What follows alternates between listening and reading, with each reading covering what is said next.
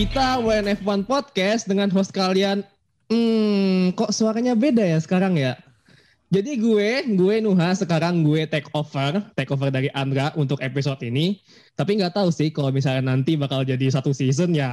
Anggap aja gue kayak Nico Hulkenberg-nya lah. Gak digantiin Andra yang jadi Sergio Perez. Sergio Perez kan kalau kemarin di musim 2020 masuk ini kan COVID-19 list. Nah mungkin Andra sekarang hampir sama kayak gitu statusnya. Canda nih, sorry. Andra kerja Ya skripsi. sama kita dengan semua dan ya kita Ya, semua ya. ada di sini. Ada Oke, Yuk, ada yuk, yuk, Tata, yuk, yuk. dan ada Yo. Fadil. Yo, So first of all, Happy New Year guys. Yo, Happy New Year. Happy New Year semua. Semoga- Semoga harapannya Semoga- untuk tahun ini terrealisasikan. iya semoga dan semoga Evan lancar deh. Amin. Iya, Gimana gimana tahun baruan kalian gimana? tahun baru. Gue tahun baruan bareng Oke. Gue bareng Fatah sama Fadil. Oh iya, oh iya kita. Padahal cabut pula, tinggalin gue ngedit gue bareng Oke. lewat Oh iya iya iya. iya. Parah lu, Sorry gue juga lupa juga tiduran waktu itu. So 2020 sudah selesai ah, dan tandanya juga musim F1 2020 akhirnya juga selesai.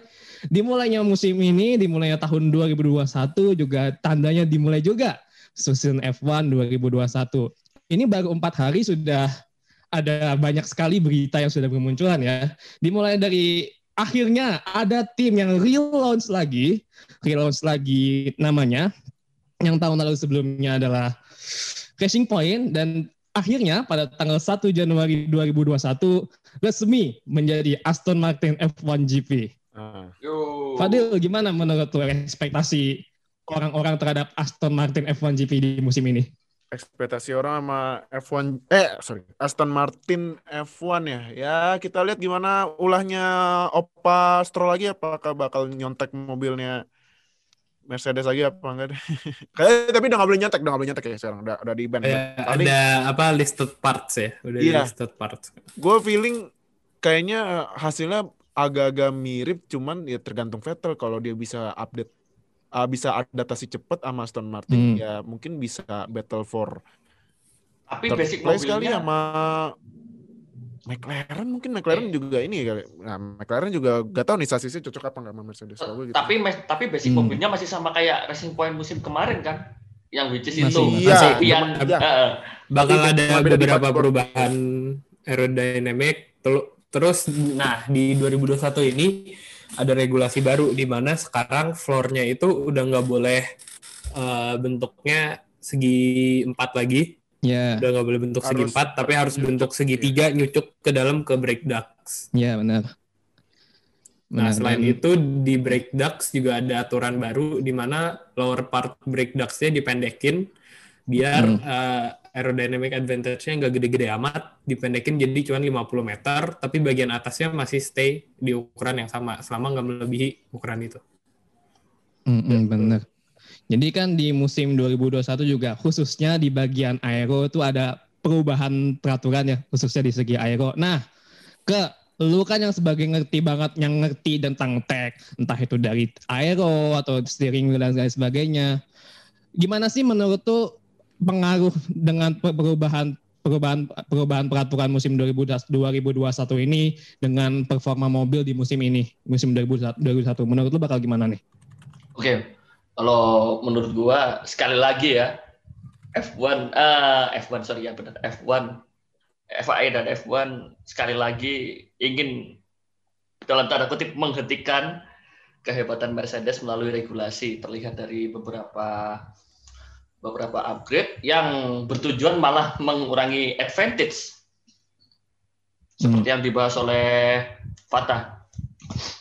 Jadi ya eh ta- tapi eh tapi ini eh, maj- yang banyak majornya malah ini ya daerah tengah ke belakang ya. Tah, ya. Iya, Ah, daerah ah. tengah ke belakang. Ah. Jadi yang eh, ini gue lagi baca-baca juga. perubahannya memang di bagian floor sih. Floor Yes, samping itu uh, memang Iya, paling banyak floor samping perubahan. dipotong. Terus sorry tadi gue koreksi yang brake ducts itu bagian bawahnya mi- maksimal 40 mm. Terus bargeboard eh eh sorry diffuser u- ada batas 50 mm. 50 mm. Tapi kalau batas Dan- 50 meter ke belakang itu udah sebenarnya udah dicoba dari musim kemarin sih. Hmm. Nah, eh, eh, kalau yang siapa yang diffuser itu diffuser belakang itu sem- hampir semua tim kemarin udah mencoba menguji dari musim kemarin. Yang Iya, pada benar. akhirnya sekarang dibikin regulasi. Nah, oke, sorry. Eh, koreksi lagi. Jadi bagian bawahnya itu dipotong 50 mm. Jadi misalnya tadi panjangnya katakanlah em, 200 mm atau 20 cm dipotong 50 mm. Jadi cuman 15 cm. Misalnya ya, gue nggak tahu sih persisnya berapa. Selain itu buat floor ada batas da- jadi dari jarak dari ban depan ke tengah floor itu 180 cm Hmm. Terus abis itu dipotong. Jadi udah nggak ada yang tempelan-tempelan lagi tuh Ah, yang di iya, iya, iya. belakang itu bagian floor. Estimasinya ada kekurangan 10% downforce dibandingin 2020. Nah, Jadi eh, mungkin buat pace eh, know, tim F1 tiap tahun mau dihancur-hancurin kayak gimana juga mobilnya dari aturan-aturan baru tetap aja kayaknya bakal ada rekor-rekor baru lagi. Nggak ngaruh juga itu lah, pasti engineer-nya build different. Em, tapi Tapi gue harap sih racingnya lebih bagus. tapi entah kenapa menurut gua setiap tahun aturan-aturan itu seakan-akan memang bertujuan untuk menghentikan Mercedes yang justru malah berbalik, malah Makin bikin bagus. Makin jago. Iya. Aneh gitu, mereka itu ingin Menurut menghentikan sih menghentikan suatu tim dengan regulasi itu menurut gua emang emang tujuannya FIA emang dari dulu sih udah standarnya kayak gitu. Dari 2014 belum diffuser dihilangin jadinya Red Bull udah bisa pakai Hmm. lagi kan. Hmm. Terus 2005 dengan regulasi ban yang nggak boleh diganti selama satu race yang rugiin strateginya Ferrari sama Schumacher. Jadi Hmm. ya kita harapan gue sih 2022 em, bisa lebih kompetitif lah fieldnya. Mungkin Oke. Mercedes masih nomor satu, tapi at least tim-tim lain masih bisa nempel. Oh ya Dil, sama satu gue lagi yang kita dulu pernah bahas eh, Shark Tale itu itu juga regulasi bukan ya? Bukan ya? Shark Tail Fin ya? Shark, Yang di ah, atas. Shark Fin, ah, sorry Shark, Shark Fin. Tail Fin yang di Shark atas Fin. itu. Iya, Shark Fin itu dari 2017 Yang hampir eh, nyambung ke terus dipotong 2018 dihilangin. eh, eh, dihilangin ya. Itu, Itu juga. udah udah lama nggak sih kalau itu? Hmm. Iya kan udah lama. Ya, kan? itu 2018 dihapus. Jadi 2018, 2017 cuma muncul sekali tahun 2017, 2018 dihapus. Oke benar. Selain dengan urusan tech dan aero yang banyak sekali improvement di di musim 2001, jangan lupa di musim ini juga ada peraturan baru mengenai peraturan finansial tentang kalau di bahasanya kalau di olahraga Amerika entah itu kayak NBA atau NFL itu bahasanya salary cap.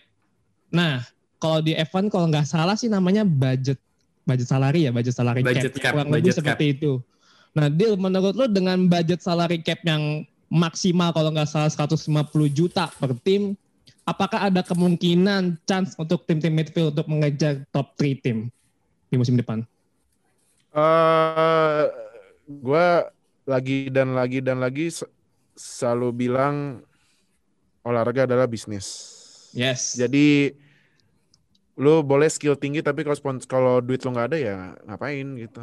Sayang itu ya itu itu ini ya itu itu eh ini ya harsh truth ya bahasa Yes, bahasa Inggris. Cuman ya mau gimana lagi gitu. Jadi menurut gue walaupun ada apa cap budget tapi dia sponsornya nggak ada ya kayak ya kayak contohnya itu yang kemarin khas ditinggalin nama sponsor-sponsor nggak nggak utama juga sebenarnya sebenarnya utama. sponsor-sponsor Sponsor biasanya terus yang gak masuk, gede eh, tapi berpengaruh lah. iya lumayan berpengaruh terus Mm-mm. terus eh, yang masuk dua dari Dedi Mazepin kan ya ya, Iya. ya tetap aja susah menurut gua Ap- walaupun ya oh, oh, apalagi kan kalau nggak salah khas itu akses wind tunnelnya kayaknya kurang ba kurang banyak ya nggak salah ya Iya, karena operasi wind tunnel ya mahal. Iya, kan dia kan Iya, dikonsumen dari kan. operasinya. Tom, Mm-mm. Iya, kecuali kalau ya kecuali kalau ya kecuali kalau kayak Red Bull yang duitnya udah bejibun gitu kan beda lagi. Jadi eh tim midfield. Aduh kalau cap space kayaknya kayaknya kalau gue ya tim cap space itu eh sorry cap budget itu akan menaikkan tim midfield tapi yang tim bawah makin jeblok. Hmm. gitu Karena ini ya apa namanya perbedaan kapasitas apa Iya. spending money mereka kan nggak- semuanya segede kayak top 3 tim ya. iya makanya jadi menurut gue sih cap budget bagus biar biar tim midfield mendekat ke tim top tapi ya tim kelas Papan bawah, bawah ya makin turun blok. ya. Iya, Iya. blok karena sponsornya nggak ya sponsor yang maksudnya itu sponsor yang bener utama gitu kan kayak contoh nih Alfa Romeo. Alfa Romeo sebenarnya sponsor utamanya apa nih? Orlen. Orlen, Orlen. juga kan. Orlan Sekarang Orlen sih yang resmi di namanya itu Alfa Iya. Romeo Orlen. Cuman Hmm. kan ya gue mikir-mikir Orlen kayaknya duitnya buat segede apa sih segede maksudnya? apa sih Orlen? Ya, Dibandingin Iya. Ineos, dibandingin Nah, ya ini kan tuh, ini kan beli 33% sahamnya Mercedes kan. Gila. Hmm. Terus Haas. Sekarang Uralchem sama Ural bla bla bla itu kan. Ural, ural kali, ural, Ural kali. kali. ya itulah. Nah, Deddy Mezepin siap nggak bakal jadi the next Opa Stroll yang bakal gelontorin duit sebanyaknya buat anaknya tuh kedua. Yang ketiga Williams, Williams dengan eh, manajemen yang baru. Nah, mereka udah mikir cara buat ngumpulin duit belum? Kan udah dapat Ah, dari iya, Sofina betul. nih, Sofina dari pakai Latifi. Latifi, Latifi, Hmm. Latifi kan. Nah, Hmm. gimana cara dia buat ini? Kan ada juga kalau ada Lavaze, Lavaze gue lupa apa gitu. Nah, Iya, Lavaze juga juga punya ini, juga punya Papa Latifi. Bapaknya. Oh iya, Iya, nah jadi punya ya, mau gimana? Kompaninya Latifi. ya. Nah makanya jadi mau gimana ini? Eh buat Nah, nge, attack sponsor. balik balik lagi eh, agak balik ini fun fact aja sih buat yang eh, mungkin kalau lu pada nonton DTS ngomongin yang tadi wind tunnel eh, pas 2003 Kimi Raikkonen itu kan pindah dari Sauber ke McLaren. Iya. Nah, Kimi tuh eh, dilihat potensinya saking gedenya, McLaren naro deal selain dia ngam, selain payout eh, kontraknya dia sama Sauber dan gajinya segala macam, McLaren itu ngasih wind tunnel yang gede banget ke Sauber. Bisa dilihat yang pas episode nge-cover Leclerc sama Ericsson tuh pas di atas Iya, season iya, 1. iya, benar, Nah, benar. itu Benar. saking gedenya dan karena saking mahalnya buat beroperasi, bahkan Sauber aja nggak punya budgetnya buat eh nge-cover wind tunnel testing. Karena Hmm, saking benar, mahalnya, walaupun itu gede banget, gue lihat itu berapa 20 meter mungkin ada, tapi karena saking mahalnya ya, jadi mereka nggak bisa pakai. Nah harapannya sih dengan di introduce-nya eh budget cap dan kalau nggak salah eh, wind tunnel juga dibatasin. Nanti penggunaannya gue harap sih eh, tim-tim atas nggak punya fasilitas nggak bisa memakai fasilitas kayak gitu seefisien tim-tim bawah. Harapannya sih kan begitu ya dari diimplementasikan budget cap. Jadi gue harap sih bisa merekatkan kompetisi lah Mm-mm. Dan juga tinggal hanya itu ya maksudnya tinggal hanya tentang tag atau dengan budget cap aja. Musim ini tuh musim 2021 itu banyak banget hal menarik yang lu sayang banget nih kalau misalnya lu nggak menonton F1 season musim ini. Ke gue mau nanya deh, apa sih menurut lu yang musim ini yang lu ngomong ke orang-orang, lu ngomong ke listener, lu harus nonton F1 musim ini. Lu mau ngomong apa sama orang-orang di luar sana? Hmm, yang jelas yang pertama Lu, adalah ha- lu harus nonton F1 musim ini. Apa? Lu mau ngomongin apa gitu? Aduh, eh, mungkin ini lumayan agak offense. F1 sekarang muda-muda loh. Muda apanya nih? Muda ini pembalapnya kan muda-muda sekarang. Gue sih pasti pasti Iya, bakalan itu betul. sih muda-muda. Terus musim sekarang adalah pertama kali eh pertama terbaik musim dengan race terbanyak dan mungkin bakalan Iya. terjadi. Insya Allah ya, eh, mudah-mudahan 23 race. Terus Iya, insya- iya 23 race. dan Betul. pertama kalinya ada race di Arab Saudi. Wah itu sih, gua harus itu. Ah, iya, Arab Saudi ya, bener ya. Ah, itu kalau Jadi- gua, bisa jadi pakai travel umroh ya, umroh sekalian nonton umroh ini plus nonton, nonton, F1 ini, umroh plus nonton F1. Iya. Dan Dan umroh lewat plus nonton kan, nanti yoi. bakal ada apa ini? Apa namanya paket tour umroh plus nonton F1. Gak lagi tuh Iya. habis umroh ke Turki nggak ada. Sekarang Nggak habis ada, umroh bener. kayak nonton F1. Tapi speaking of jadwal tadi ya, tadi kan aku udah bilang ada bakal race baru di Saudi Arabia. Nah, Nita, ini kan di Yo. week keempat, di race keempat itu kan masih TBC, to be confirmed Hmm. atau masih To kosong. be confirmed. Mas dan banyak fans di luar sana yang bilang itu ada kalau tidak salah ada tiga kandidat yang bakal mengisi spot kosong di situ. Hmm. Entah itu ada yang bilang Portimao, ada yang bilang itu Imola, bahkan mungkin ada ada beberapa juga yang bilang kalau itu bakal diisi oleh Sepang. Nah, menurut lu dari tiga kandidat sirkuit yang udah dibicarakan banyak fans, sirkuit apa sih yang layak untuk ditaruh di sana menurut lu di posisi keempat itu? Gue pribadi, Iya. pribadi dia opini ya. Eh, menurut gue sih Portimao. Kita udah Kenapa race di situ. Eh, kita udah race di situ, terbukti elevationnya sinting dan menurut gue eh, tracknya nggak cuma seru buat pembalap, tapi seru juga buat ditonton gitu, menarik. Salah satu faktor yang bikin Abu Dhabi menurut gue boring banget, gue nggak tahu buat pembalap pribadi mungkin eh, mereka mempertaruhkan nyawa balapan di situ, jadi mungkin nggak seboring itu. Tapi kalau Hmm. buat gue pribadi, Abu Dhabi tuh track yang boring banget buat ditonton. Sedangkan Iya. Portimao, walaupun gue nggak nggak experience sendiri, tapi gue nontonnya nontonnya tuh asik banget gitu loh.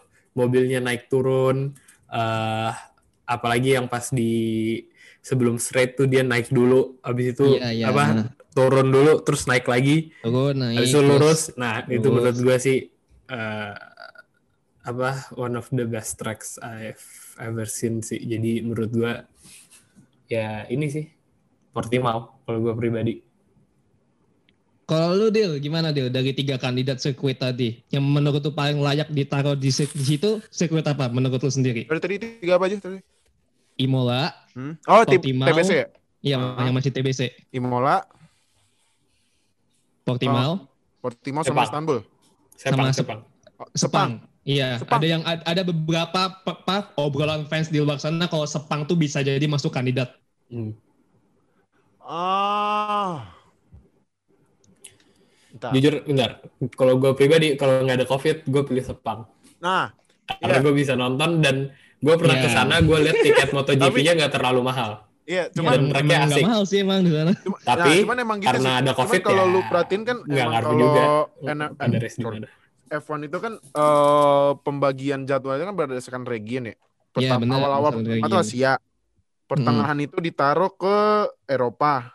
Ya, Akhir-akhir taruh ke Amerika Timur Tengah. sama ya sebagian Timur Tengah. Asia lah ya. Asia sama Timur Tengah. Nah, Asia dan kalau Timur misalnya Tengah. nih, gue juga gue juga nih, gue mikir-mikir lagi ya.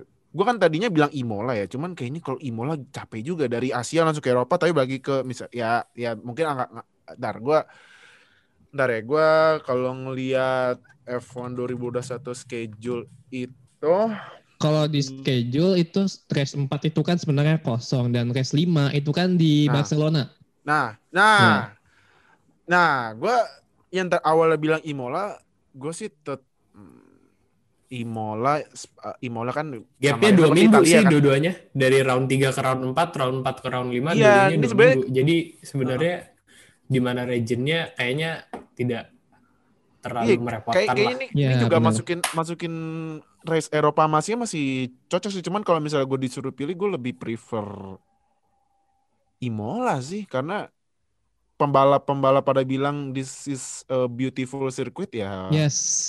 Ya Benar. cuman kan wow, ya ya balik lagi this is a beautiful circuit tapi duitnya nggak ada ya sama aja bohong gitu Iya kan. sih, benar ya. Ya, Yang bagaimana ya, kalau gue sih tetap- lah. Ya gue tetap maunya Imola. Imola, Imola. Kalau lu ke gimana? Kalau gua ya semuanya bagus semua masalahnya ya yang kemarin empat empatnya. Gua, gua lebih setuju, lebih prefer ya sama seperti pendapat gua di podcast episode sebelumnya. Gua eh, dibikin format European GP aja sih. European GP ya? Ya, Hmm. soalnya kan eh, menarik. kalau kalau merefer dari kalau merefer dari empat sirkuit kemarin, empat sirkuit tambahan, kan Hmm. semua di benua Eropa ya, bener gak sih? Portimao, Iya, Nürburgring, kurang lebih semuanya di Eropa. Sama Yes, ah. Timur Tengah tuh ketika sudah confirm sudah mulai banyak yang ini baru Timur Ya. Tengah dilanjutkan ya. Lanjut lanjut. Kalau gua sih lebih prefer ke European GP, jadinya rolling aja. Itu kayaknya lebih seru deh. Bisa bisa lebih seru karena formatnya kalau memang misalnya ada European GP tentunya apa namanya formatnya bakal sedikit lebih berbeda kalau misalnya kayak bawa sistem kayak negara gitu kan pasti kan formatnya bakal lebih beda.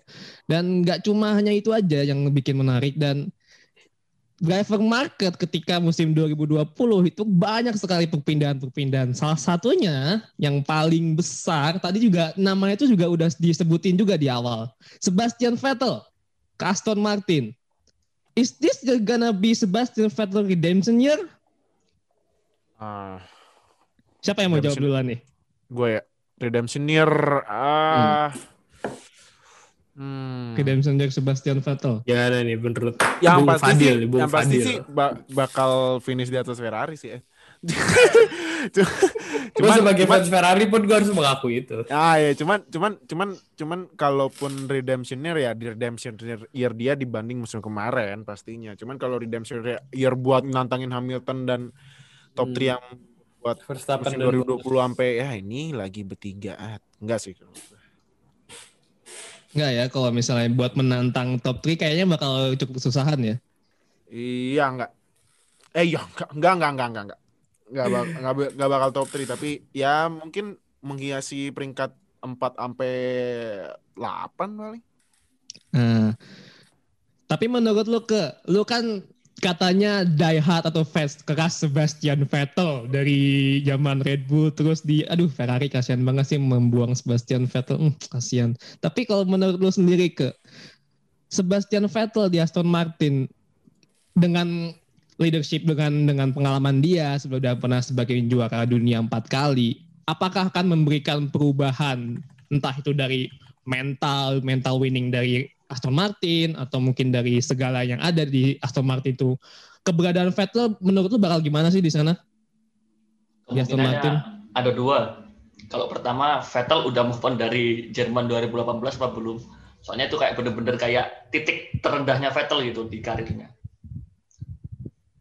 Hmm. Itu yang pertama. Dan yang kedua, kayaknya udah pernah dibilang Fadil dah. Vettel bakalan jadi mentor buat Stroll. Udah, mas, ah, maksudnya Hmm. lu jadi wingman gua dulu nggak apa-apa lah. Lihat gua cara cara gua balapan gitu loh. Itu sih Hmm. antara dua itu. Soalnya yang jelas eh, Vettel bakal lebih kompetitif dari Aston Martin. Ah, Dilihat dari iya, segi benar, dilihat dilihat dari segi mobil. Dari segi mobil udah oke. Mm-mm. Tinggal Vettelnya sendiri ini dia udah move on apa belum dari kejadian Jerman Hmm. 2018. Ya at least udah nggak rasa- lagi lah. At least udah nggak melintir-melintir lagi. Nah, kalau dari segi mobil ya, menurut gue salah satu alasan paling besar kenapa Red Bull itu bikin em, apa belum diffuser pas 2012-2013 adalah buat mengakomodasi Vettel karena Vettel nggak suka mobil yang eh, belakangnya goyang. Dia lebih Ah, suka iya. yang understeer daripada yang oversteer. Sedangkan Hmm, Hamilton hmm. lebih suka yang oversteer daripada yang understeer. Jadi ya itu apa balik ke driving style masing-masing driver lah. Makanya pas 2014 karena mobilnya lebih istilahnya lebih torky gara-gara mesinnya hybrid jadinya dia mulai struggle kan tuh pas hybrid Hmm. pas Hmm. hybrid era. Nah, masalahnya Racing Point pertama bisa nggak bikin mobil yang stabil karena bisa dilihat eh, pas Bahrain GP itu salah satu yang kelihatan kayak ini yang salah bukan kayaknya sih bukan drivernya ini emang mobilnya ada yang salah karena gue gue lihat mobilnya unbalance banget bahkan eh, Leclerc yang bisa dibilang lebih menguasai SF 1000 ba- apa juga struggling kan pas Bahrain GP.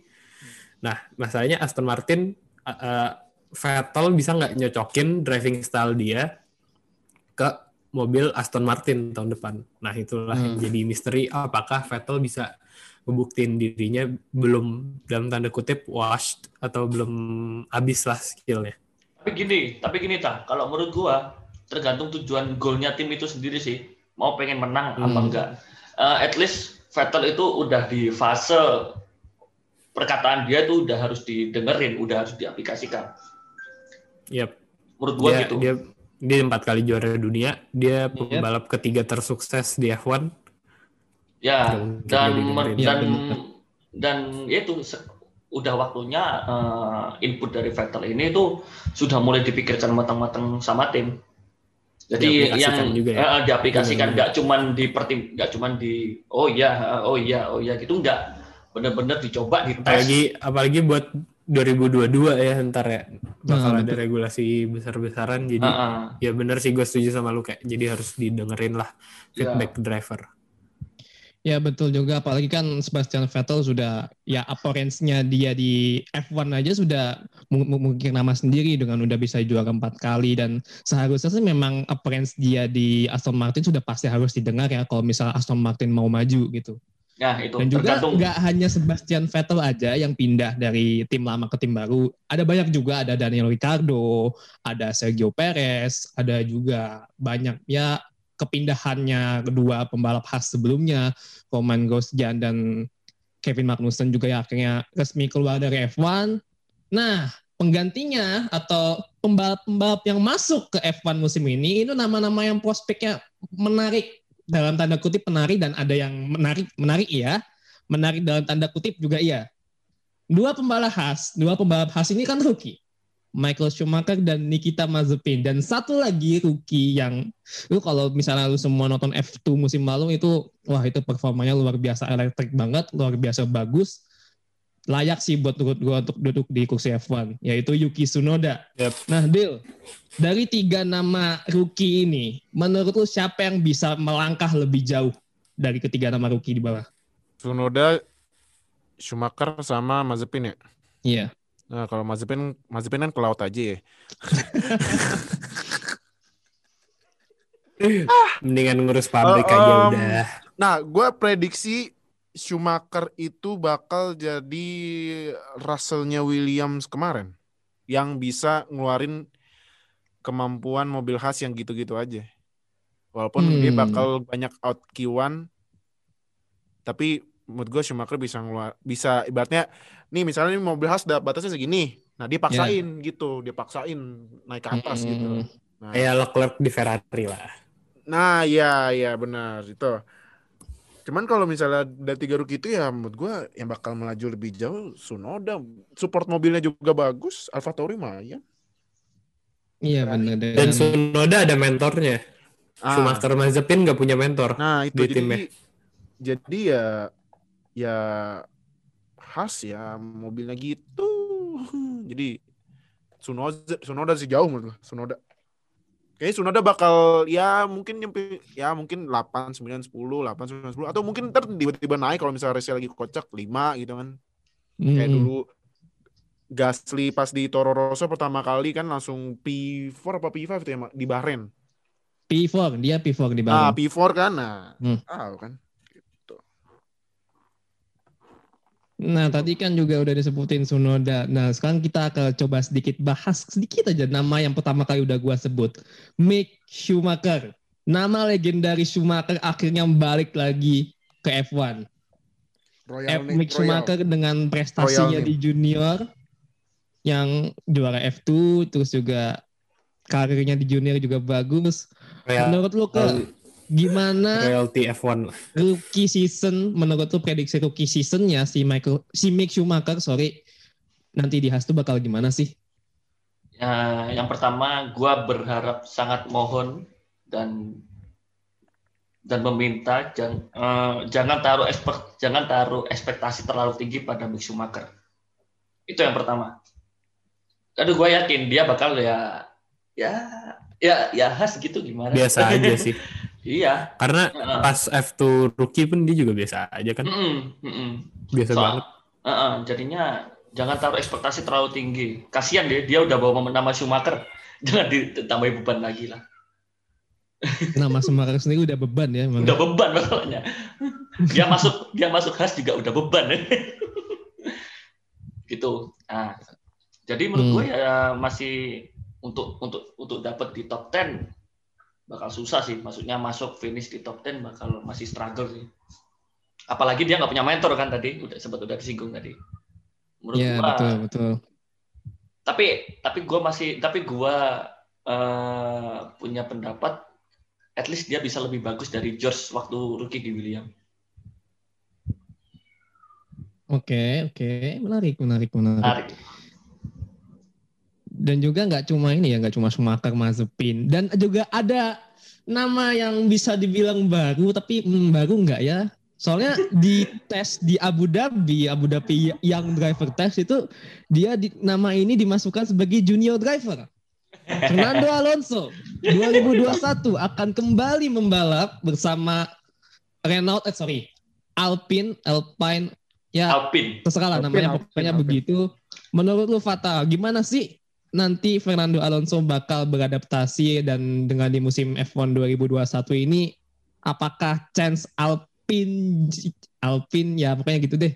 Alpine GP ini bakal bisa mengganggu dominasi top 2 di F1 2021 dengan adanya Alonso. eh ini ya, ini kritik terbesar gue ke Alonso sih. Sejak Alonso join McLaren, dia tuh kelihatan environmentnya McLaren tuh nggak asik, nggak asik Hmm. banget, Iya, iya, terlalu, under terlalu pressure banget. kaku dan under pressure gede dari Alonso yang udah dua kali juara dunia. Iya, benar. Sedangkan Hmm. akhirnya Van Dorn kayak bisa dibilang terbengkalai lah. Iya, aduh, Van Dorn Nah, tuh. Yang gue Hmm. takutkan bagus adalah em, hal yang sama akan terjadi ke Alpine. Karena eh, Renault ini bisa dibilang juga lumayan kaku lah. Karena mereka kan BUMN sih basically. Eh, Alpine kan Iya. BUMN kan, punya Pabrikan ya, pabrikan benar. Heeh. dan ya gue gue gue takut Alonso bakal ngebawa vibe buruk lah ke Alpine. Tapi harapan gue sih at least bisa top 5 di constructors. Dan Alonso mungkin aja bisa podium sekali satu season. Harapan gue sih gitu. Tapi gue nggak ber gue nggak expect banyak. Eh, gue juga nggak expect Alonso bakal bagus lagi eh, setelah cabut 2 tahun. Jadi ya the best for Alpine, but I don't have any big expectations Iya. lah. Sama gue nama dikit, Hmm. si Alonso ke Alpine itu ini tau eh mem- apa men- eh, gimana bahasa mungkin bahasa Inggrisnya enak ya hurting chance buat Guang Yucho naik gitu sebenarnya Ah, Renault Driver Academy ya. iya Guang Yu Hmm. Renault siapa sih. Eh, Guang Yucho Gue taunya itu. Christian Lundgaard. Lundgaard ya Ya, Christian Lundgaard juga. nah kan pasti kan banyak rumor eh, Guang Yucho yang naik cuman ya gara-gara Alonso naik eh yang yang tiba-tiba masuk aduh makanya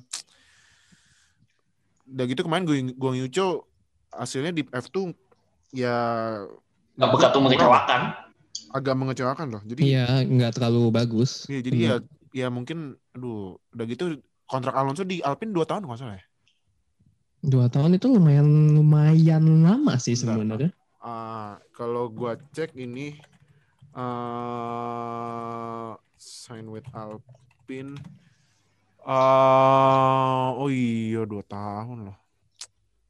Uh, kasihan nih. Bak bak gua gua gua, buat gua sih kasihan si ah, Guang Two year deal option Ah. for third season. Aduh, 2020. jangan aduh pakai option. Masih ada lagi. jangka buat jangka panjang ya, buat kontrak Kayaknya jangka panjang ya. em, Aduh. tebakan gue sih eh, Alpine butuh orang yang berexperience, ber, punya experience yang banyak buat feedback mereka ke mobil 2022. Makanya Ya. Alpine mau ngasih kontrak Hmm. itu sih. Tapi kan ada skenario lain. Mungkin waktu Alonso udah di tahun kedua mau tahun ketiga dia lanjut di Alpine.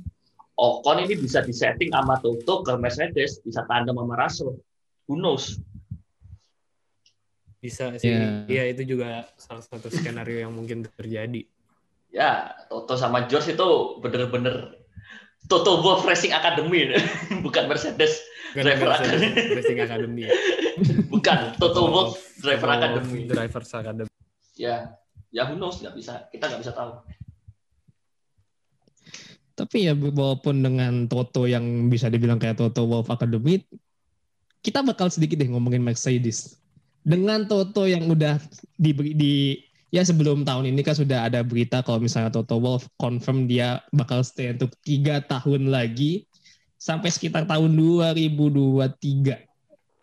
Berarti chance untuk Mercedes untuk menjuarai juara ke-8 musim itu semak masih ada dan terbuka dengan lebar menurut lo ke Red Bull bisa nggak sih mencuri spot itu, mencuri juara konstruktor musim ini? Karena Lawrence Barreto salah satu senior writer F1 mungkin kalau listener kita udah, udah belum belum familiar dengan nama itu dia sering ada di videonya Bang Will Buxton di sebelum warm up-nya F1 itu dia punya hot take kalau Red Bull bakal juara konstruktor musim ini.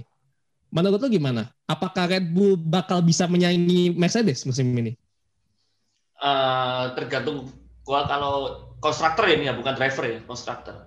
Iya, Ter- konstruktor. tergantung Bottas sama Perez. Kalau Bottas bisa lawan Kenapa? Kenapa harus tergantung dua driver itu? ya kalau Lewis ya udahlah ya. Kalau Lewis ya udahlah ya Nah, kalau Bottas kan Nah, mungkin iya, Lewis melihat ya, udah lah gitu. ah, melihat performa di lima race belakangan, empat race, lima race belakangan di 2020, nah dia kan udah mulai agak goyang, udah mulai agak agak konsisten. Nah, sebenarnya kan, soalnya kan kalau ya buat yang belum tahu, eh, poin konstruktor itu didapat dari gabungan antara drivernya finish. Yes, gabungan Kalau- driver. kalau mereka finish one two berarti 25 plus 18. Gak tahu sih kalau fast lap masuk gak ya? Nggak masuk ya? Masuk. Fast lap masuk Kalau lu kalau di top masuk. 10 fastest lap dapat satu poin. Oh masuk masuk ke konstruktor juga ya? Masuk, masuk Masuk. konstruktor. Ah kayak itu nah itu nah gitulah. Berarti lu berarti kalau emang one two berarti dapat berapa itu? Dua- 25 tambah 18 itu. 5 43 poin. 43 sampai 44 poin. Dapat fastest lap 44. Nah, itu buat belum yang belum tahu gimana penghitungannya konstruktor. Nah, kalau menurut gua kan kalau Lewis ya udahlah ya. Chance chance-nya masih gede buat tahun depan. Nah, tinggal Max sama Perez kalau mereka bisa minimal 23 34, 23 34 terus bisa ngegeser Bottas. Gue setuju sama si siapa Loris Barreto bisa bisa nyikat Hmm. konstruktor. Karena menurut gue tahun Hmm. ini nggak- harusnya nggak sebanyak itu driver yang bisa finish di podium. Kenapa? Kalau Alex bisa perform, nggak perlu di level max, tapi at least di top 4 walaupun di bawah. Ibaratnya kayak Ricciardo pas 2018. Harusnya Alex bisa podium dan gap antara Mercedes dan eh, Red Bull nggak sejauh itu. Tapi kan ya Alex kayak gitu. Jadi harapannya Ya. Red Bull ngesign Perez adalah Perez is a proven race winner, a Hmm. proven podium finisher, pembalap yang berexperience. Jadi harapannya Perez bisa ngecover eh, poin-poin ini yang kehilangan kehilangan eh, yang Red Bull kehilangan pas tahun ini. Karena harusnya poin-poin yang Ferrari kan 2018-2019 kan top 6-nya itu kan eh, Mercedes, Ferrari, Red Bull. Harusnya posisi-posisi yang biasanya diisi Ferrari, diisi pembalap Ferrari, Itu harusnya diisi. Albon. Nah, Harusnya diisi Hmm, Red Bull. benar, benar. Tapi enggak kan. Diisi Iya, McLaren, diisi Racing Point, diisi Alfa Tauri. Hmm. Nah, itu harapannya Red Bull adalah semoga dengan adanya Perez, at least dia bisa take the fight to Bottas atau bahkan eh, sesekali challenge race win karena dia adalah proven race winner nah, dan mungkin pace-nya sinting menurut gue. nah, dan mungkin Lewis Gimana kak? Gimana? udah mungkin kalau Lewis itu udah urusannya sama Max sih, bisa ngegoyang apa enggak gitu sih. Yap. Kalau Perez gua Hmm. gua yakin bener Fata, fokus aja didapetin poin buat tim. Oke lalu tahun pertama fokus untuk tim nggak ada salahnya kok. Pasti Benar, tim benar, Pak. pasti tim ada bak- bakal ada alasan buat mempertahanin lu gitu. Wah ini nguntungin ini ya dan gitu. Yes, Kalau yes, apal kan kan beda lagi. Ini untungin kagak, finish di belakang mulu. Nah, kan beda kan. Meskipun lu finish di belakang Max tapi menguntungkan bagi tim, ya pasti mereka bakal ada alasan lain buat mempertahankan. Ada bedanya Iya, lah finish di belakang teammate lu di posisi 9 sama di posisi 4. Nah, Yes, yes benar. Apalagi kan dengan Perez datang ke Red Bull, harapannya kan biar suasana di Red Bull kan biar bisa kompetitif ya antara driver satu dengan driver lainnya dan posisinya juga bisa semakin mengejar Mercedes.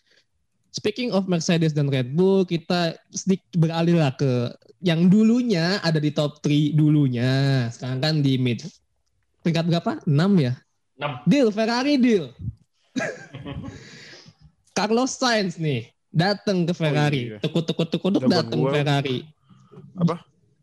Datang ke Ferrari kan nih, Carlos Sainz nih datang nih Hmm. bareng sama Charles Leclerc. Posisi dua driver ini kan sebenarnya nggak bisa di sandingin san- apa nggak bisa dibanding bandingin ya. Soalnya mereka tuh chance-nya tuh sama. Mereka tuh juga kekuatannya sama. Dia posisinya sebagai first driver.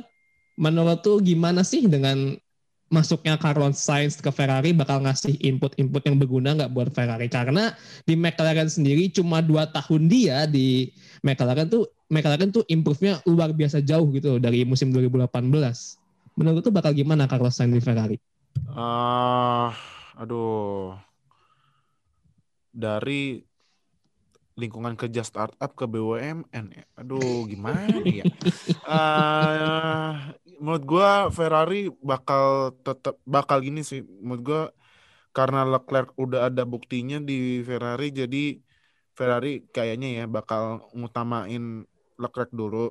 Tapi kalau misalnya Sainz bisa ngebuktiin dia dia kalaupun misalnya finish di belakang Leclerc tapi ya beda-beda dikit lah atau malah bisa lebih jauh, lebih bagus daripada Leclerc mungkin Hmm. bakal open competition cuman kalau gue sih um, aduh gue gua gua gua gua nggak bisa bayangin sih betapa tersiksanya Sainz di Ferrari feeling feeling gue sih Sainz tuh cuman seat filler aja. Nah, gue pernah itu. bilang deh di episode episode Aduh, sebelumnya. Dia tuh seat filler aja.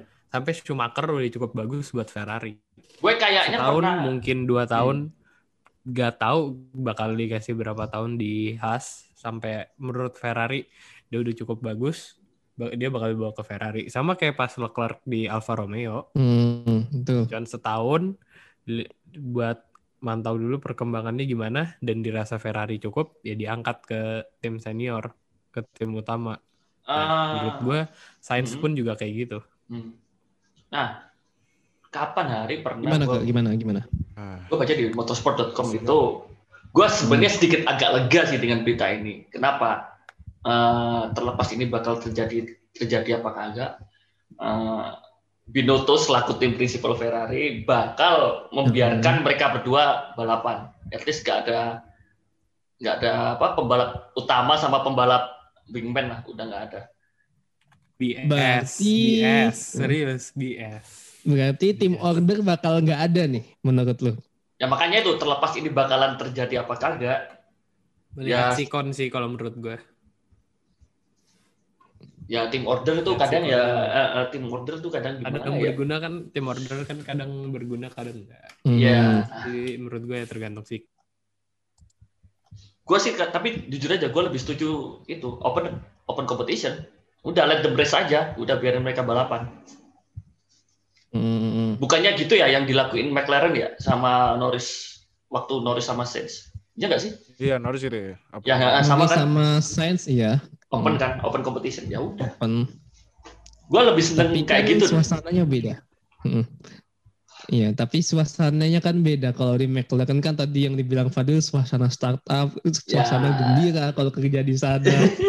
tapi kalau di Ferrari kayak di, di perusahaan negara, perusahaan BUMN yang ya kaku. Tapi ya semoga Sainz bisa inilah bisa ngasih harapan gue sih sebenarnya biar bisa ngasih input sama Ferrari yang ya biar bisa compete lah di musim depan gitu loh. Karena kan ya seperti yang udah kita tahu bersama gitu loh Ferrari tuh musim lalu tuh jelek banget pakai banget tuh dan dan juga gua tadi kita belum ngebahas McLaren ya. McLaren kan dengan kedatangan Daniel Ricciardo dan Lando Norris yang dua-duanya tuh tipikalnya joker.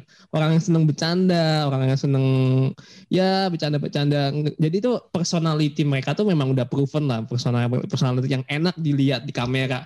Nggak yang isinya tuh nggak cuma yang orang serius aja maunya kom- kompetisi aja. Jadi itu juga bisa membawa senyum bisa membawa tawa menurut kalian semua gimana sih dengan Daniel Ricardo yang musim lalu pun juga sebenarnya performa dia di Renault tuh nggak bisa dibilang jelek. Bagus dengan mobil yang seperti itu. Nah dengan mobil Mercedes-nya McLaren dengan nama McLaren Mercedes gimana sih ekspektasi kalian terhadap McLaren musim musim ini? Eh, um, balik lagi ya kalau gue kalau mesin itu semuanya tergantung sasis sih. Kalau misalnya yes betul. kalau misalnya nih sasisnya cocok wah ini bahaya ini Mercedes nih harus. Waduh nih ada tim warna pepaya nih ngejar eh, ngejar ngejar gua. Nah, Tim Oren, pasukan Oren. iya, nah em, kalau misalnya nggak cocok pun menurut gua masih masih ya masih di atas Ferrari. Tetap ya Lagi, dia lagi. Iya, prediksi Fadil buat 2021 tuh satu satu kata di atas Ferrari. Iya, eh, menurut gue sih kalau gue disuruh ekspektasi nih ya biar TL di DR ya. Kalau misalnya gue disuruh ekspektasi eh, McLaren dengan Mercedes peringkat berapa? Gue ekspektasi paling minimal 5. Minimal ya, minimal 5. 5. Dia 4 sama 5 mungkin eh, 3 sa- tiga li- sampai 5 itu mungkin buat Alpine, McLaren sama Aston. Atau mungkin Ferrari. Kalau misalnya tiba kalau misalnya tuh dashboard yang dilancipin itu tetap efektif buat Ferrari, wah siapa tahu Ferrari back again kan. Hmm. Amin, amin, amin. Gue sih nggak pengen sih sebenarnya. But, Kabret, kabret. dan men- menurut lu kayak gimana sih McLaren musim depan? Wah, balik lagi zaman dulu ya. McLaren, Mercedes. Tapi warnanya oranye. Nama legendaris ya McLaren Mercedes. ya. McLaren Mercedes itu udah melekat ya. Gua ada, gua aja sampai dulu itu ngira Mercedes itu punya produk McLaren gitu ya. Ternyata bukan. Ya, Iya iya iya benar benar benar. ya patut ditunggu sih McLaren Mercedes. Bener kata Fadil. Sasis ya Dil ya, sasis yang paling Nah, utama. kasus itu Soal sih. ya soalnya eh, sasis mereka untuk musim ini. Apalagi perubahannya nggak mayor ya. Sasis nggak ada perubahan berarti ya Dil ya. Hmm, nggak terlalu banyak, terlalu. cuma di mesin Nah, aja. Itu berarti patut dilihat itu. Apakah match apa enggak mesin Mercedes dengan sasis McLaren. Tapi kalau ngelihat drivernya Dani Ricciardo masih bisa compete dah itu dah. Oh yakin masih bisa kom, masih bisa masih bisa itu, masih bisa kok. Nah, masalahnya hmm, McLaren ini terakhir reunian sama supplier lama tuh kan tidak sesuai Ah, ekspektasi. iya. Iya, 2015 Nah, McLaren jadi- Honda. Takutnya eh, sasisnya nggak cocok. Tapi kan beda Mungkin beda orang tadi iya, waktu itu. ka- iya kayaknya sih waktu itu Honda nggak cocoknya emang mesinnya bapuk aja kan, unreliable dan jelek kan. Masih belum nyampe stage itulah kayak sekarang sama Hmm. Red Bull. Eh jadi kalau mereka komplain engine speed atau reliability sih kayaknya nggak mungkin ya. Nggak, chance-nya rendah lah kalau sama Mercedes. Tapi ya semoga performance-nya bagus lah. Sayang aja sih kalau mereka cuma satu season bagus gitu. Terus tiba-tiba turun kayak Haas sempat dapat eh, P5 pas Constructors tahun 2018 terus 2019-nya turun kan ya sayang aja walaupun F1 is a competition tetap aja kan ada rasa kasihan gitu kayak ah sayang banget gitu tapi Iya, gue harap sih semoga Mercedes eh sorry McLaren Mercedes bisa jadi reuni yang bagus lah Sama ini, ah, lihat ntar waktu winter test deh. Itu sebenarnya kuncinya kita bisa prediksi musim depan tuh lihat waktu winter test.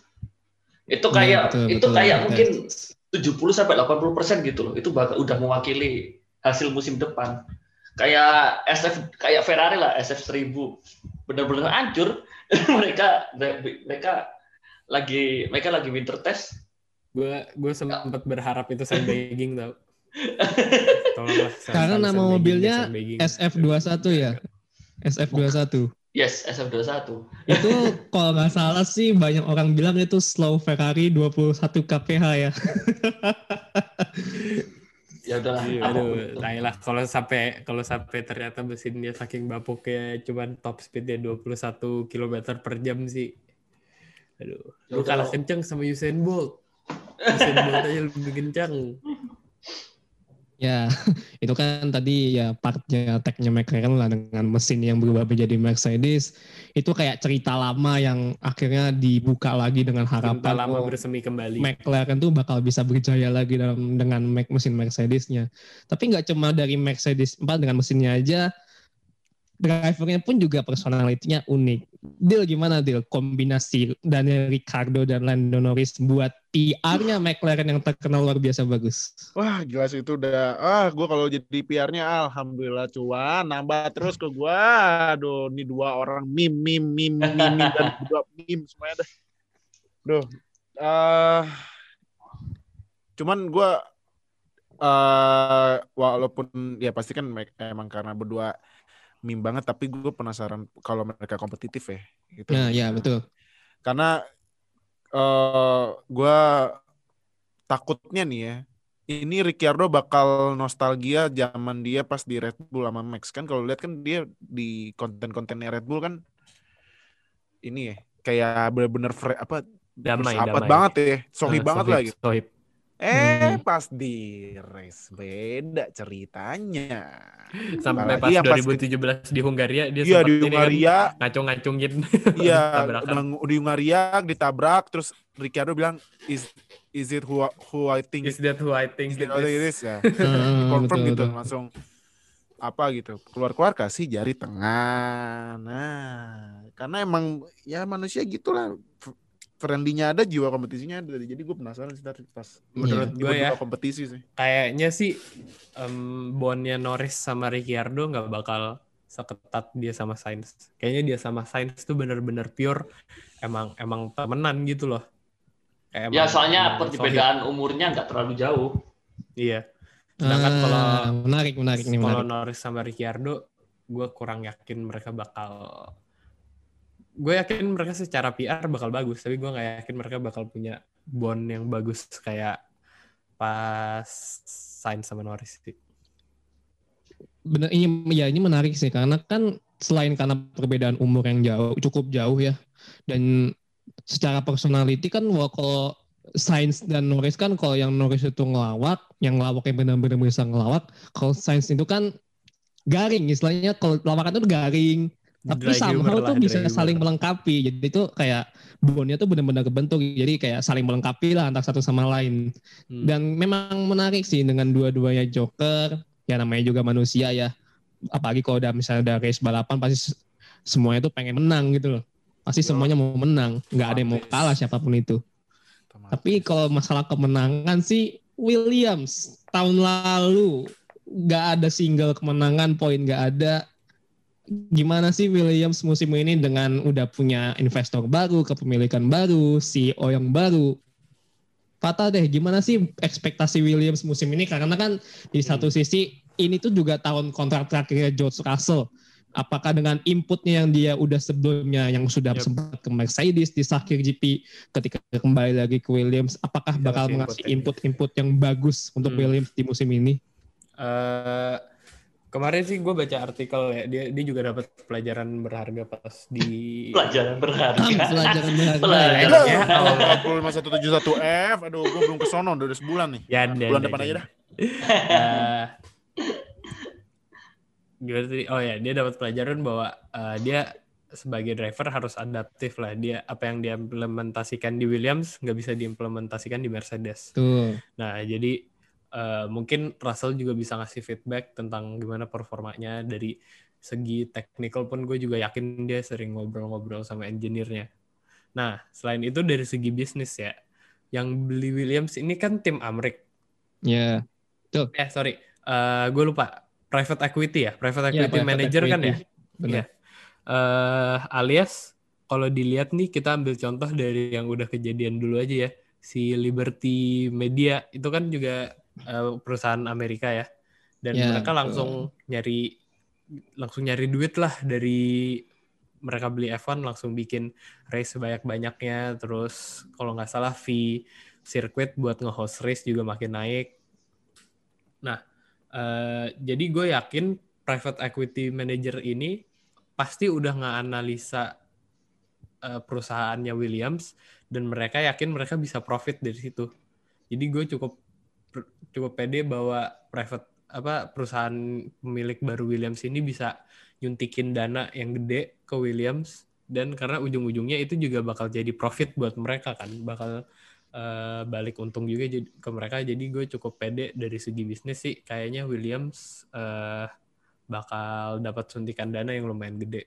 Karena at the end of the day eh, mereka beli Williams buat bukan karena sentimental atau apa, Iya, tapi betul. karena mereka pengen dapat profit dari Williams. Jadi ya harapan gue sih mereka bisa nyuntikin dana yang gede biar Williams bisa balik lagi ke zaman 90-an awal dan tahun 90-an lah yang pas mereka 94 lah, 94. jaya-jayanya lah. Iya, dominan-dominannya. Iya kan Williams. zaman dulu juga Williams tuh ya nggak cuma ya zaman juara terus juga ya livery sih memang cukup keren lah zaman dulu. Williams Dan Renault. juga ya dan juga ke menurut ke dengan improvement yang udah dilakukan Williams di musim ini walaupun ya masih yang paling lambat tetapi improvement yang ada di Williams itu nyata adanya dari 2019 yang jelek banget lambat mobilnya di musim 2020 ini tuh improvementnya ada di lurusan itu juga kenceng tapi kalau di corner itu masih agak lambat gimana kalau menurutku dari sisi tek Dari technical sebenarnya masalah utama sebenarnya dari Williams adalah biaya sih. Mereka itu seperti kehilangan, Nice, iya. seperti kehilangan. Ya oke dari mungkin dari segi perhitungan desain apa pun, gue yakin mereka udah ada kayak blueprintnya. Ya tinggal ke eksekusinya. Jadi gimana sih eh, bikin airfoil, bikin airfoil front wing, bikin bikin air for, bikin vortex generator yang proper itu seperti apa kan butuh biaya lumayan. Nah sebenarnya kan masalah terbesar Williams kan di dana ya. Dan sedangkan Hmm. bikin part-part kayak gitu itu nggak murah. gitu. Gue yakin kok engineer-engineer William mampu bukan bikin ya, desain mau mendesain eh, front wing, front wing airfoil, wingtip, eh, rear wing maupun vortex generator. Gue yakin bisa. Tinggal bagaimana eh, apa eksekusinya, eksekusi dalam bentuk hardware barangnya itu. Nah, mungkin mereka Nah, oke. Nah, setelah pas dia dibeli oleh si- siapa namanya perusahaannya tadi? Yang Apa beli Private. nama perusahaan Private Equity Manager. Private ya equity. private equity-nya. Eh, Mudah. Do- Dorlington Capital. Ah iya Darlington Capital betul. mudah-mudahan waktu winter test mereka nggak telat lagi lah. Kayak yang di yang Ah, kayak iya di sih, DTS. itu Duh, kasihan, itu kasihan, sedih kasihan, juga sih kasihan, sebenarnya. sedih, sedih. Itu titik terendah Williams sih menurut gue. Ya, bener itu. Terus gue mau nambahin dikit masalah Mick. Gue barusan nemu. Mick Schumacher bilang, reaching Q2 would feel would feel like a race win for me. Dia saja udah nggak berekspektasi terlalu tinggi. Dia bisa masuk Q, Q2 Iya aja. iya oke oke oke. Jadi buat para fans tolong ya jangan terlalu berekspektasi. Kasihan Iya, bawa nama Schumacher bebannya. beban itu. Iya nama Sumakar tuh memang apalagi dengan bapaknya yang juara tujuh kali itu pasti beban yang ada di pundaknya Mick itu cukup gede ya. Tapi ya memang bener sih kita jangan terlalu berharap Mick itu bakal langsung flourish. Maksudnya jangan berharap tinggi ya. Yup. Nikmati aja masih rookie kok masih ya masih Kayak masih ada waktu untuk mencapai juara dan masih butuh Iya. waktu juga bener. kayak kayak pakai nama Ronaldo atau Messi di bola, Yes. karakternya pasti gede. Betul, betul. Tapi Justru ya, malah akan menghancurkan karir Mick nanti. Iya, Justru kalau kalian kalau semakin- kita terlalu pressure, Terlalu tinggi, kalau kita ter- naruh ekspektasi dan pressure yang terlalu gede ke Mick pasti bakal uh, you either break or, iya. or either bend or break dan Pasti kita kan- belum tahu Mick bakal bend atau break. Jadi lebih baik kita kasih ekspektasi secukupnya aja. Betul, pasti betul, betul. pasti bakal dibilang ah gini doang anaknya Schumacher ah gini doang wah itu salah sih menurut gua Iya, iyalah. Karena ya kasihan Salah. juga masih rookie udah dikasih beban seperti segede itu ya. Mm. And ya tadi kayaknya kita udah ngomongin hampir semua tim yang banyak perubahannya di musim ini. Sekarang gua mau coba, kan bukan coba, gua mau main game sedikit satu aja. Di akun sosial media F1 kan udah sempat posting kayak apa sih prediksi terlihat lu apa sih the boldest take you have gitu. Gua mau tanya lu semua satu-satu. Deal, hot take lu terbesar di musim 2021 apa? Sainz menang. Uh, Sainz menang. Lu lu kenapa Dil? Kayaknya tadi ada sentimen terhadap Ferrari sekarang. Kan Bolte, kan Bolte kan Oh iya, eh, hot take ya, hot take. apa, eh, Kenapa tuh? Kenapa tuh? berani gitu. kenapa tuh? Kenapa tuh? Karena ya menurut gua kan Sainz kayaknya awal-awal bakal struggling tapi tengah-tengah mungkin bisa ya figuring out this Ferrari traktor ya. jadi jadi nah eh, mungkin mungkin mungkin ada saat momennya gitu kan tiba-tiba race-nya zong atau apa gitu. Nah, ini Sainz ambil peluang eh menang. Wah, itu sih kalau gue. Sainz menang.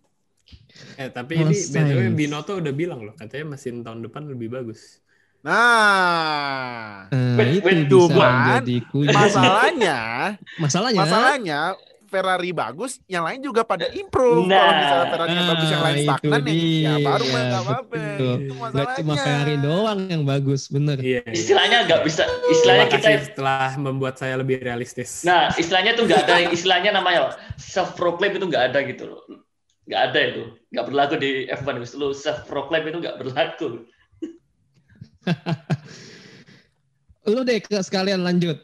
Apa take lu untuk musim 2021? Jangan bilang Ferrari. Enggak, enggak bercanda, bercanda. Lanjut. Alonso podium Uh, Podium. di lima, di Menarik, lima, menarik, di menarik, lima menarik. race pertama dia bakal salah satu bakal podium. Lima race pertama. Lima race pertama dia bakal podium Alonso. Oke. bold, apa bold, yang ngebuat lu yakin kalau misalnya Alonso bakal dapat podium? Renault perkembangannya dilihat dari musim kemarin oke dan dia memiliki pengalaman yang cukup dan menurut gue ini sedikit apa ya dia ada ikatan emosional dengan dengan Renault sih well Ah, yes. Yalah juaranya Ya, sama Renault. Juaranya sama Renault sih. nah makanya dia kan punya ikatan masuk akal, emosional bener. jadi mungkin apa skill plus emosi lah itu mungkin bisa menjadikan satu hal yang bagus sih kalau dikombinasi Hmm. Menarik, menarik. Oke bilang Al Alonso bisa dapat podium. Podium lima race bener? awal ya? podium ya? podium podium aja podium Podium ya. Ya masih nggak terlalu tinggi tapi oke lah. Kalau lu Fatah apa? Take lu untuk musim 2021. Albon juara dunia. Gimana? Albon. Oke, bercanda, bercanda, bercanda. Ah, Bercanda, bercanda. Gue kaget. Woi, main aja kagak udah pada udah pada panik langsung udah pada bingung Eh, apa ya hottest take gue Eh gue kebalikannya dari. Gua- prediksi gue Alonso bakal bapuk serius Hmm. dia dia balik dia balik ke F1 dengan mobil yang downforce-nya udah lumayan signifikan dipotong dari 2018 Eh, front wing element tuh udah dihapus. Eh, terus nanti 2021 floor floor bagian belakang udah dipotong juga. Mm. walaupun gue tahu Betul. bakal tetap ada aeronya pasti. Gue nggak tahu persisnya apakah masih boleh ada winglet winglet kecil-kecil gitu di floor belakang. Tapi eh, prediksi gue itu sih Alonso bakal bapuk. Dan dia belum eh, accomplishment tertinggi dia setelah cabut dari F1 kan juara WEC dan juara 24 24 eh 24 hours of Le Mans ya Oh, Dakar nggak menang ya Dakar ya? Dakar belum pernah Dakar juara ya Dakar. Dakar belum pernah. Dakar nggak menang dia ikut Dakar tapi nggak menang eh, Eh, ntar gue mau nyanggah Fata. Kenapa kok gue berani ngomong gitu? Alonso Gimana, itu, gimana, gimana? Alonso itu jago. Udah. oh iya Kayaknya, kayaknya dia, eh, mungkin dia itu satu-satunya yang kalau di sirkuit mana Spa di sirkuit Spa satu-satunya driver yang dia tuh nggak angkat gas waktu ngelewatin Eroach dan Redillion. Itu Kayaknya sih. semuanya udah nggak angkat gas Nggak, nggak. kayak- Eh, semua loh. Tapi semuanya Alonso kagak. angkat gas Tapi gue masih udah percaya Alonso dia nggak dia tuh skillful. Enggak, oke. Gue gue percaya dia bakal gue dia dia dapat podium masih mungkin. Hmm, Tapi overall di satu musim menurut gue nggak bakal Oh, ya ya there's- ya, there ya, will ya. be nothing special. Ya, ya. Underperform. menarik, menurut menarik, menarik. Karena Emang ekspektasi Alonso sih musim ini tinggi sih, gak sih? Tapi Ekspektasi Alonso mungkin musim ini tinggi I gak sih? mean, dia Wah. dia dua kali juara dunia, multiple race winner. Pasti ekspektasinya lumayan tinggi sih. dan nggak cuma ekspektasi aja media juga bakal banyak yang akan Yep. datang ke dia karena Iya, status Alonso iya. sendiri sudah udah sudah the big name in F1 jadi Big ya name, not only in F1 tapi in motorsport around the world. yes bener kalau gue sih hot take gue Sebastian Vettel bakal juara sih juara Amin. ini ya, juara race ya. Juara Oh race, menang, menang race, menang race, menang race. Menang race. Amin. Amin, amin, Karena- amin, amin. Karena kalau menurut gua mem tadi kan gua udah sempat bilang kalau apa sih ini tuh bisa menjadi redemption year-nya dari tahun terakhir di Ferrari. Yap. Karena dengan lingkungan baru, suasana baru ya dengan status yang udah pengalaman bakal ngasih input banyak ke mobilnya Aston Martin yang mesinnya juga mesin mesin Mercedes loh dan yang notabene juga tahun lalu Racing Point juga bagus, maksudnya nggak jelek-jelek amat gitu performanya. Jadi ya gua rasa ya Vettel bakal bisa at least menang sekali, menang sekali ya. Nggak tahu sih kalau podiumnya berapa kali, tapi at least Yes. bisa menang sekali sih kalau menurut gue. Eh tapi gue ada satu pertanyaan. Bentar, gue Gimana? ada satu pertanyaan.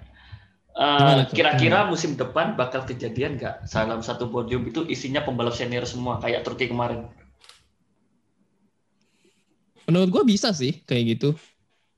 Karena kan ya balik lagi ke kalau misalnya itu kan kalau di Turki yang ada yang semua skill yang apa driver pengalaman yang juara itu kan juga tergantung dari mana skill mereka karena balik lagi itu juga tergantung race suasana race-nya sirkuit itu gimana kebetulan Hujan hujan dan tire management waktu itu kunci kan pas di Turki. Yes, betul.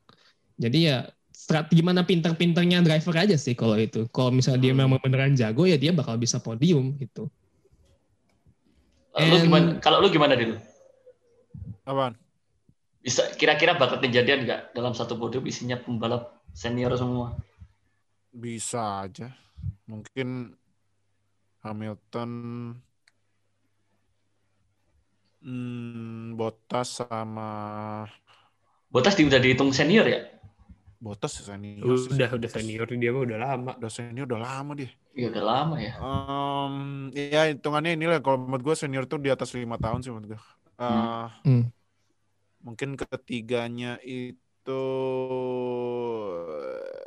hmm, siapa ya senior? Ya, Ah, mikir-mikir. Aduh bingung gue. Bisa banyak banget yang muda sekarang sih ya. Iya. Banyak kayak memang banyak memang banyak. Gimana ya mungkin tiba-tiba gitu kan tiba-tiba Vettel kali tiba-tiba. atau Perez ah Oh iya, Perez jangan Perez. lupa tuh. Perez jangan lupa. Hmm, betul. Sergio Perez ya dengan masuk Red Bull pasti ekspektasinya dia bakal meninggi gitu. Harapannya Oh. at least podium lah bisa Pasti. menyaingi Mercedes. Pasti. Dan last but not least, F2 2021.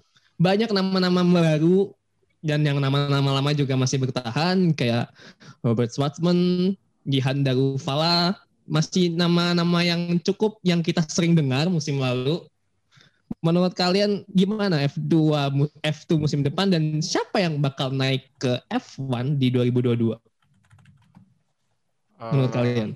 F2 F2 kan gue sebenarnya belum gue mulai musim ini mau ngikutin banget ya F2 cuman gue penasaran pertama ini juara F3 nih Oscar Piastri nih Ya, Oscar Piastri yang ke Oscar Prema. Piastri ini kan dia masuk ke Renault Sport Academy Ah, Oh. main di Prema ya kan Langka nih pembalap prema bukan Ya, Bukan Ferrari. FDA, bukan FDA. Langkah-langkah.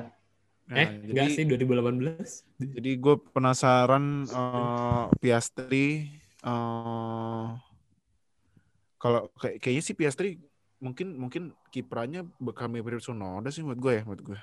Hmm. Hmm. Cuman ya ini juga gue liat list drivernya belum ini juga belum Belum belum di announce full semua sih. confirm juga baru satu dua tiga empat lima baru lima. Adiknya Leclerc masuk ya? Adiknya Leclerc ya? Arthur Leclerc Ada rumor tapi Leclerc. F3 dia kalau nggak salah. Oh, masih di F3 berarti. Masih masuk F3. baru bagus. naik F3 kalau nggak Iya, salah. baru F3, naik iya, F3. F3 ya? F3. Baru F3 ya? Hmm. Ya F3 F3 tuh. Jadi kita lihat dulu deh Hmm, full full full full apa, balapannya. Kalau lu Fatah dan gimana F2 musim musim depan 2021 bak apakah bakal semenarik dan seseru musim lalu? gue dukung The Better Russian, gue dukung Robert Schwartzman buat 2021. Prediksi gue sih bakal seru, terutama eh, inter team inner team competitionnya eh, Oscar Piastri udah terbukti bagus banget pas di F3. Schwartzman juga harapannya gede karena dia sempat konten buat top 3 kan uh, sebelum di race-race akhir mulai Yes. agak nurun kan performanya. Uh, tapi gue megang dan gue personally jujur gue dukung Schwarzman ini salah satu driver pertama yang gue ikutin karirnya dari masih di F2 jadi buat 2021 gue pegang Robert Schwarzman for FIA Formula 2 Champion. Robert memang prospek yang menarik juga sih sebenarnya. Kalau lu ke gimana dari Ah. dari nama dari tim-tim yang bisa dibilang sering langganan juara kayak Prema, kayak Dams di musim 2019. Sorry kalau Dams apa pre, yang Prema langganan juara kan 2018 2019 kan nggak juara ya dan jadi ya hmm, kayak hmm, Um, Kayak- ya udah Um, Menurut lu siapa tim yang bakal bagus di musim F2 musim depan selain Prema? oh, lang- tim. Carlin Iya, mungkin tim. bisa. Carlin, Carlin mungkin bisa. Carlin atau ini apa sih timnya itu ART. Timnya Russell. ART, Ya, ya, ART. ya, ya. itu bisa kalau pembalap gue sebenarnya sama sih jagoin kayak kayak siapa kayak Fata Schwarzman gue malah kaget loh Schwarzman all ada the way. Ada nongol namanya Mazepin Buset, gue selama ini tahunya cuma Schwarzman ini siapa Mazepin nih rame gue dulu pertama kali tahu Mazepin aneh gitu loh gue kira Schwarzman doang ya Rusia ini siapa nih kita Mazepin gitu sih dulu Gue Iya. malah suka kebalik antara Mazepin sama Matsushita dulu kan satu tim tuh. oh, iya. Eh, ini ya high tech ya. Eh Lupa bukan high tech ding. Lupa juga sih sebenarnya. Hmm, bentar, coba gue cek. Iya, eh enggak ding. Eh, Mazepin tuh high tech, sedangkan di si Matsushita tuh di MP Motorsport. Oh, Eh, Oke oke. Tapi gue suka kebalik-kebalik aja. eh Drugovic lanjut ya Drugovic ya Drugovic lanjut, ya, udah confirm. lanjut. Ah, Lanjut. Drugovic lanjut. Banyak loh sebenarnya ini, maksudnya yang ini Prospek prospek bisa bagus. bisa bisa seru sih, bisa seru lagi sih. Tapi gue kayaknya jagoin ART atau Carlin sih. Carlin masih ada Jehan Darufala ya, bener nggak? Iya, Jian Delvala betul. Ya itu juga better Indian itu. Hmm. ya better Indian kayak ini ya. Aduh, siapa namanya Mahathir Ragunathan ya itu memang sudah melegenda sekali sih itu. Lord sekali. Iya. And that's all the time we have. Oh. Pembahasan kita sudah cukup hari ini karena ya ini masih episode awal di 2021 jadi ya pembahasan kita masih bakal panjang sebelum season dimulai nanti bulan Maret. So ya buat yang dengar kalau misalnya lu kalau misalnya lupa kalau kita punya sosial media ya jangan lupa buat follow akun sosial media kita. Kita ada Twitter at WNF1 slash official. Underscore. Ya mostly kita bakal ya Underscore, underscore. Oh ya underscore sorry. Jadi at WNF1 underscore official. Ya kita pasti ngebahas F1 pastilah. Ya kita ya jok-jok dikit lah. Yang pasti ya kita nggak bakal ngebahas Bagindo lagi. deh. Aduh sayang banget sih kita nggak bisa ngebahas Bagindo lagi. Karena ya orangnya udah nggak ada di F2. Jadi ya mau bahas juga sayang. Jadi ya jangan lupa tetap di follow akun sosial media kita karena ya pasti bakal seru lah. Kalau misalnya, kalau misalnya teman-teman lu belum pada follow suruh follow suruh follow suruh follow. Dan yuk terima kasih semuanya yang udah hadir yang udah di sini thank you Oke sampai habis. thank you Swat eh, Swat aduh kok namanya Swat teman sih thank you Fatah. Fokus, Pak, fokus, fokus. Thank Jadi you juga buat Fadil semuanya. Ya, thank you everyone uh, uh, yang udah dengerin podcast kita pada edisi kali ini. Gue Nuha. I'm signing out. Bye. Bye.